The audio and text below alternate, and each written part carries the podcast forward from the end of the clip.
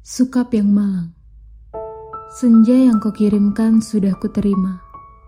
Kukira sama lengkap seperti ketika engkau memotongnya di langit yang kemerah-merahan itu. Lengkap dengan bau laut, desir angin, dan suara hempasan ombak yang memecah pantai. Ada juga kepak burung-burung Lambaian pohon-pohon nyiur dalam kekelaman. Sementara di kejauhan, Perahu layar merayapi cakrawala dan melintasi matahari yang sedang terbenam. Aku pun tahu suka senja yang paling keemas-emasan sekalipun hanya akan berakhir dalam kemerangan menyedihkan ketika segala makhluk dan benda menjadi siluet, lantas menyatu dalam kegelapan. Kita sama-sama tahu, keindahan senja itu, kepastiannya untuk selesai, dan menjadi malam dengan kejam. Manusia memburu senja ke mana-mana, tapi dunia ini fana suka, seperti senja. Kehidupan mungkin saja memancara gilang gemilang, tetapi ia berubah dengan pasti.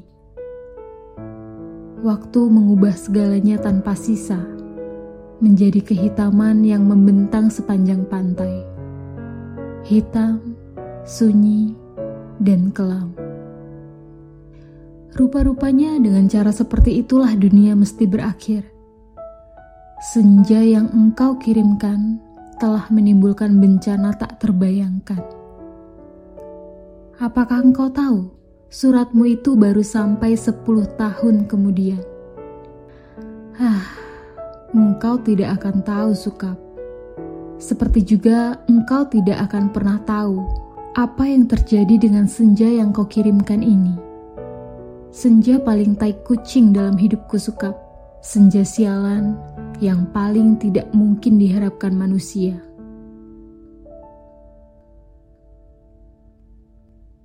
Senja ini baru tiba setelah 10 tahun. Karena tukang pos yang jahil itu rupanya penasaran dengan cahaya merah keemas-emasan yang memancara dari amplop itu suka. Cahaya itu telah mengganggunya semenjak ia menggenjot sepeda dari kantor pos.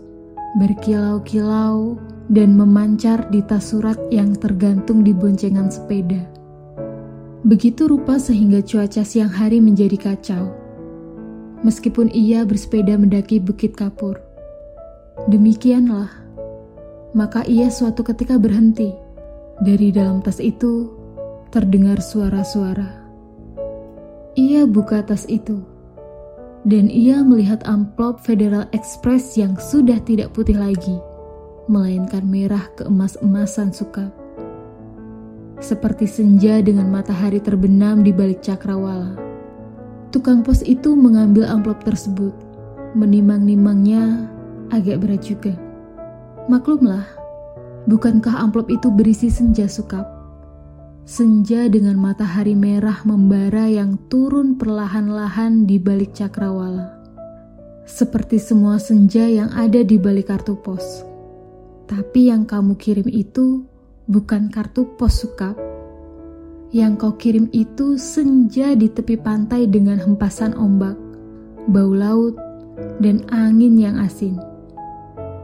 Kamu pikir berapa ton beratnya pasir di sepanjang pantai itu sukap?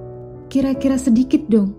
Masih lumayan tukang pos itu kuat menggenjot sepedanya mendaki Bukit Kapur. Buset, kalau anak-anak kecil tahu ada matahari terbenam di dalam amplop itu, lantas bagaimana? Kau tahulah Sukap, anak-anak di daerah Bukit Kapur begini tidak punya mainan yang aneh-aneh seperti di kota.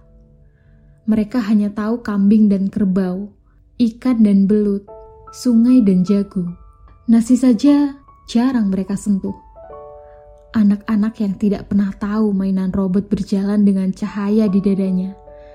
Berkedip-kedip pasti akan penasaran sekali dengan cahaya senja yang memancar berkilauan.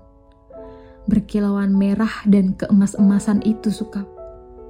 Mereka tidak pernah melihatnya sukap, karena tukang pos itulah yang telah mendahului mereka. Ia menimang-nimang bungkusan berisi senja itu, mendengar-dengarkan, dan akhirnya mengintip. Tentu saja di dalam amplop itu dilihatnya senja sukap. Senja terindah yang paling mungkin berlangsung di muka bumi. Ia mengintip dan terpesona. Ia buka amplop itu. Sebetulnya menurut kode etik profesi itu tidak boleh, tapi manusia mana pun bisa melakukan kesalahan, bukan? Ia buka terus amplop itu dan melihat senja dengan langit merah keemas-emasan di dalam sana dan melihat mega-mega berpancar seperti perahu di danau, memberikan perasaan nyaman dan tenang. Siapa yang tidak suka merasa nyaman dan tenang di dunia suka? Di sebuah dunia yang miskin, masih bersimbah darah pula. Maka jangan salahkan tukang pos itu suka. Jika ia kemudian menjadi begitu penasaran dan memasuki senja yang terbentang. Tidak ada yang tahu apa nasib waktu ketika anak-anak akhirnya berkerumun di sekitar sepeda yang tergeletak itu.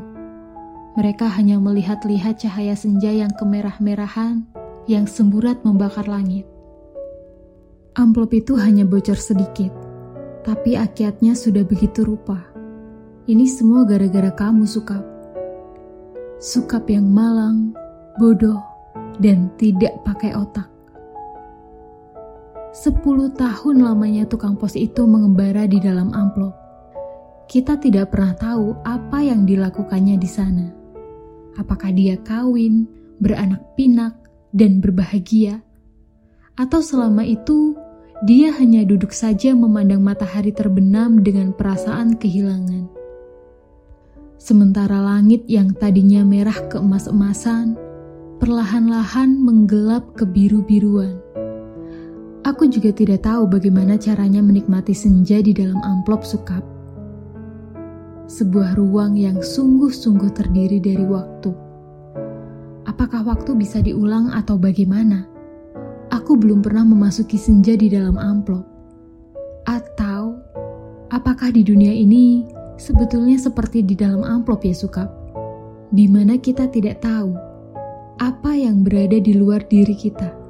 Di mana kita merasa hidup penuh dengan makna, padahal yang menonton kita tertawa-tawa sambil berkata, "Ah, kasihan betul manusia."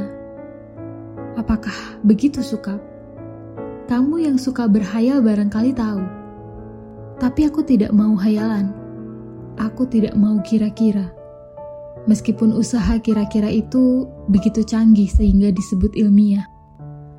Aku mau tahu yang sebenarnya. Apakah ada yang menyaksikan kita sambil tertawa-tawa? Kalau iya, apalah artinya hidup kita ini suka? Tidakkah nasib manusia memang seperti ikan yang diternakan hanya untuk mengisi akuarium di ruang tamu seseorang yang barangkali juga tidak terlalu peduli kepada makna kehidupan ikan-ikan itu?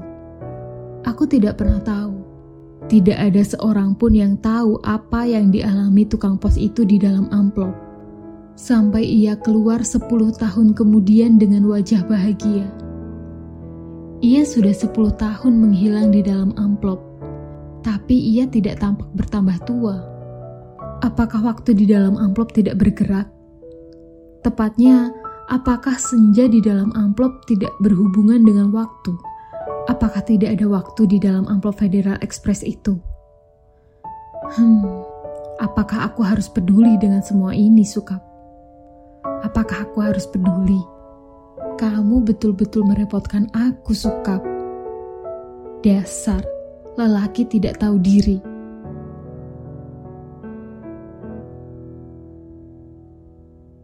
Sukap yang malang, goblok, dan menyebalkan.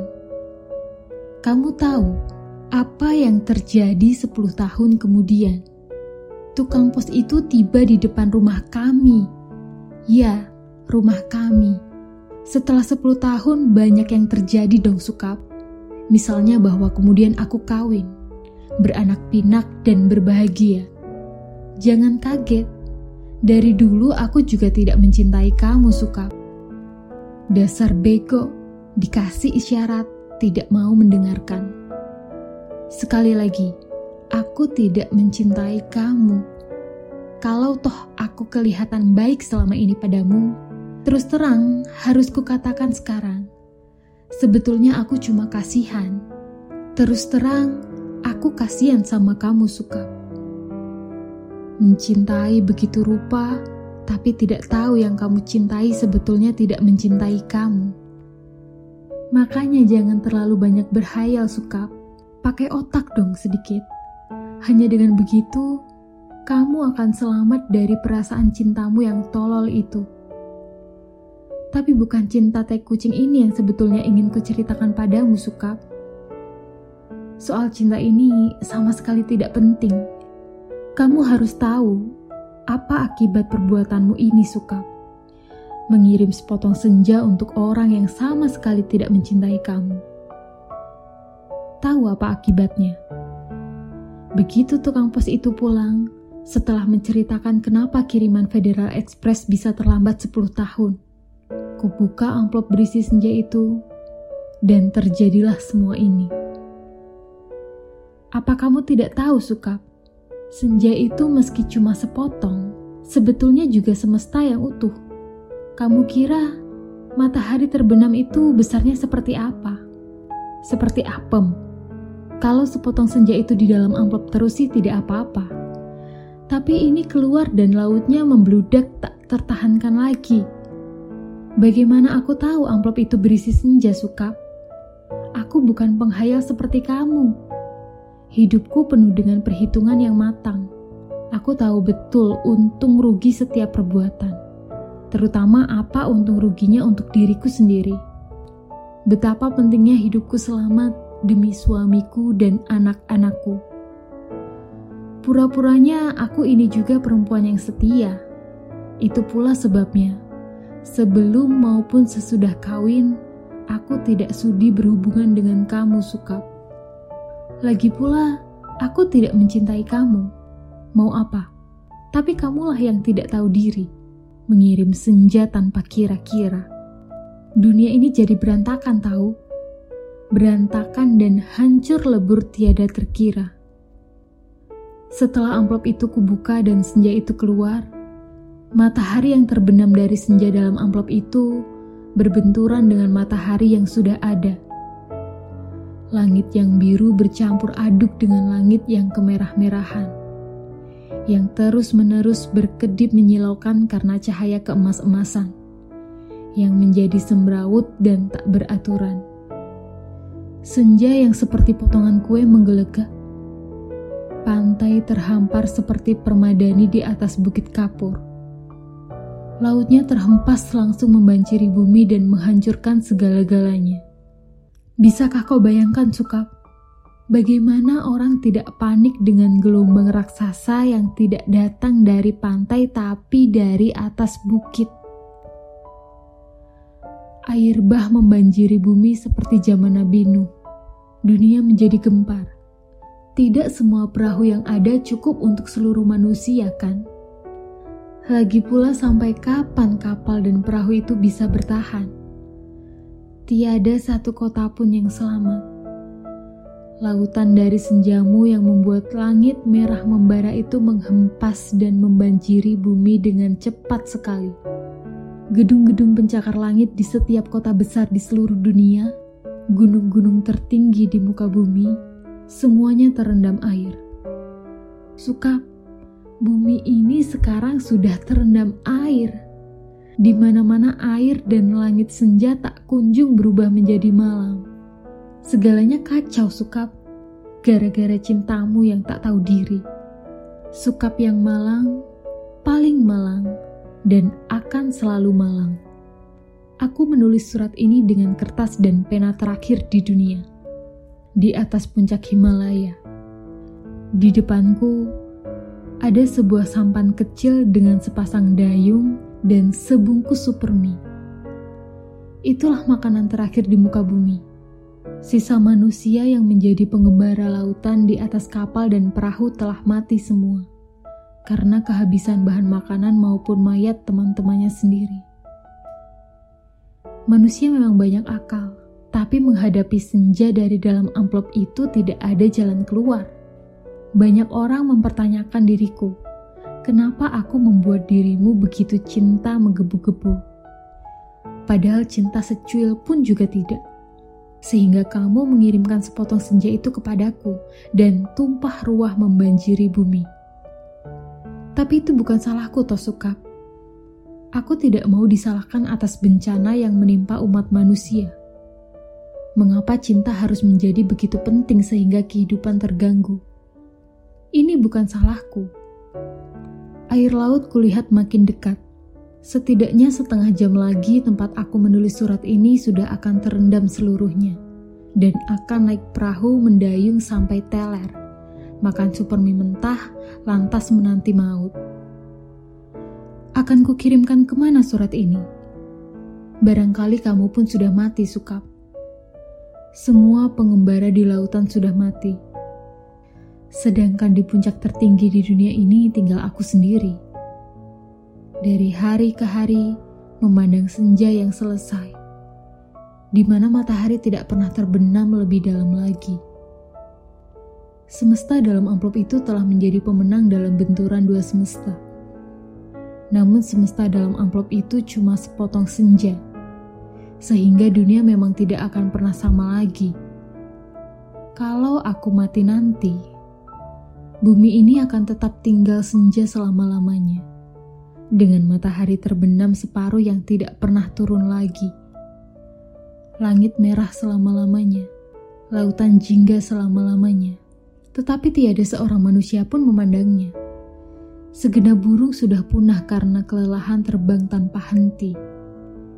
Tinggal ikan-ikan menjadi penguasa bumi. Di kejauhan, kulihat ikan paus merah yang menjerit dengan sedih. Sukap, Aku akan mengakhiri surat ini.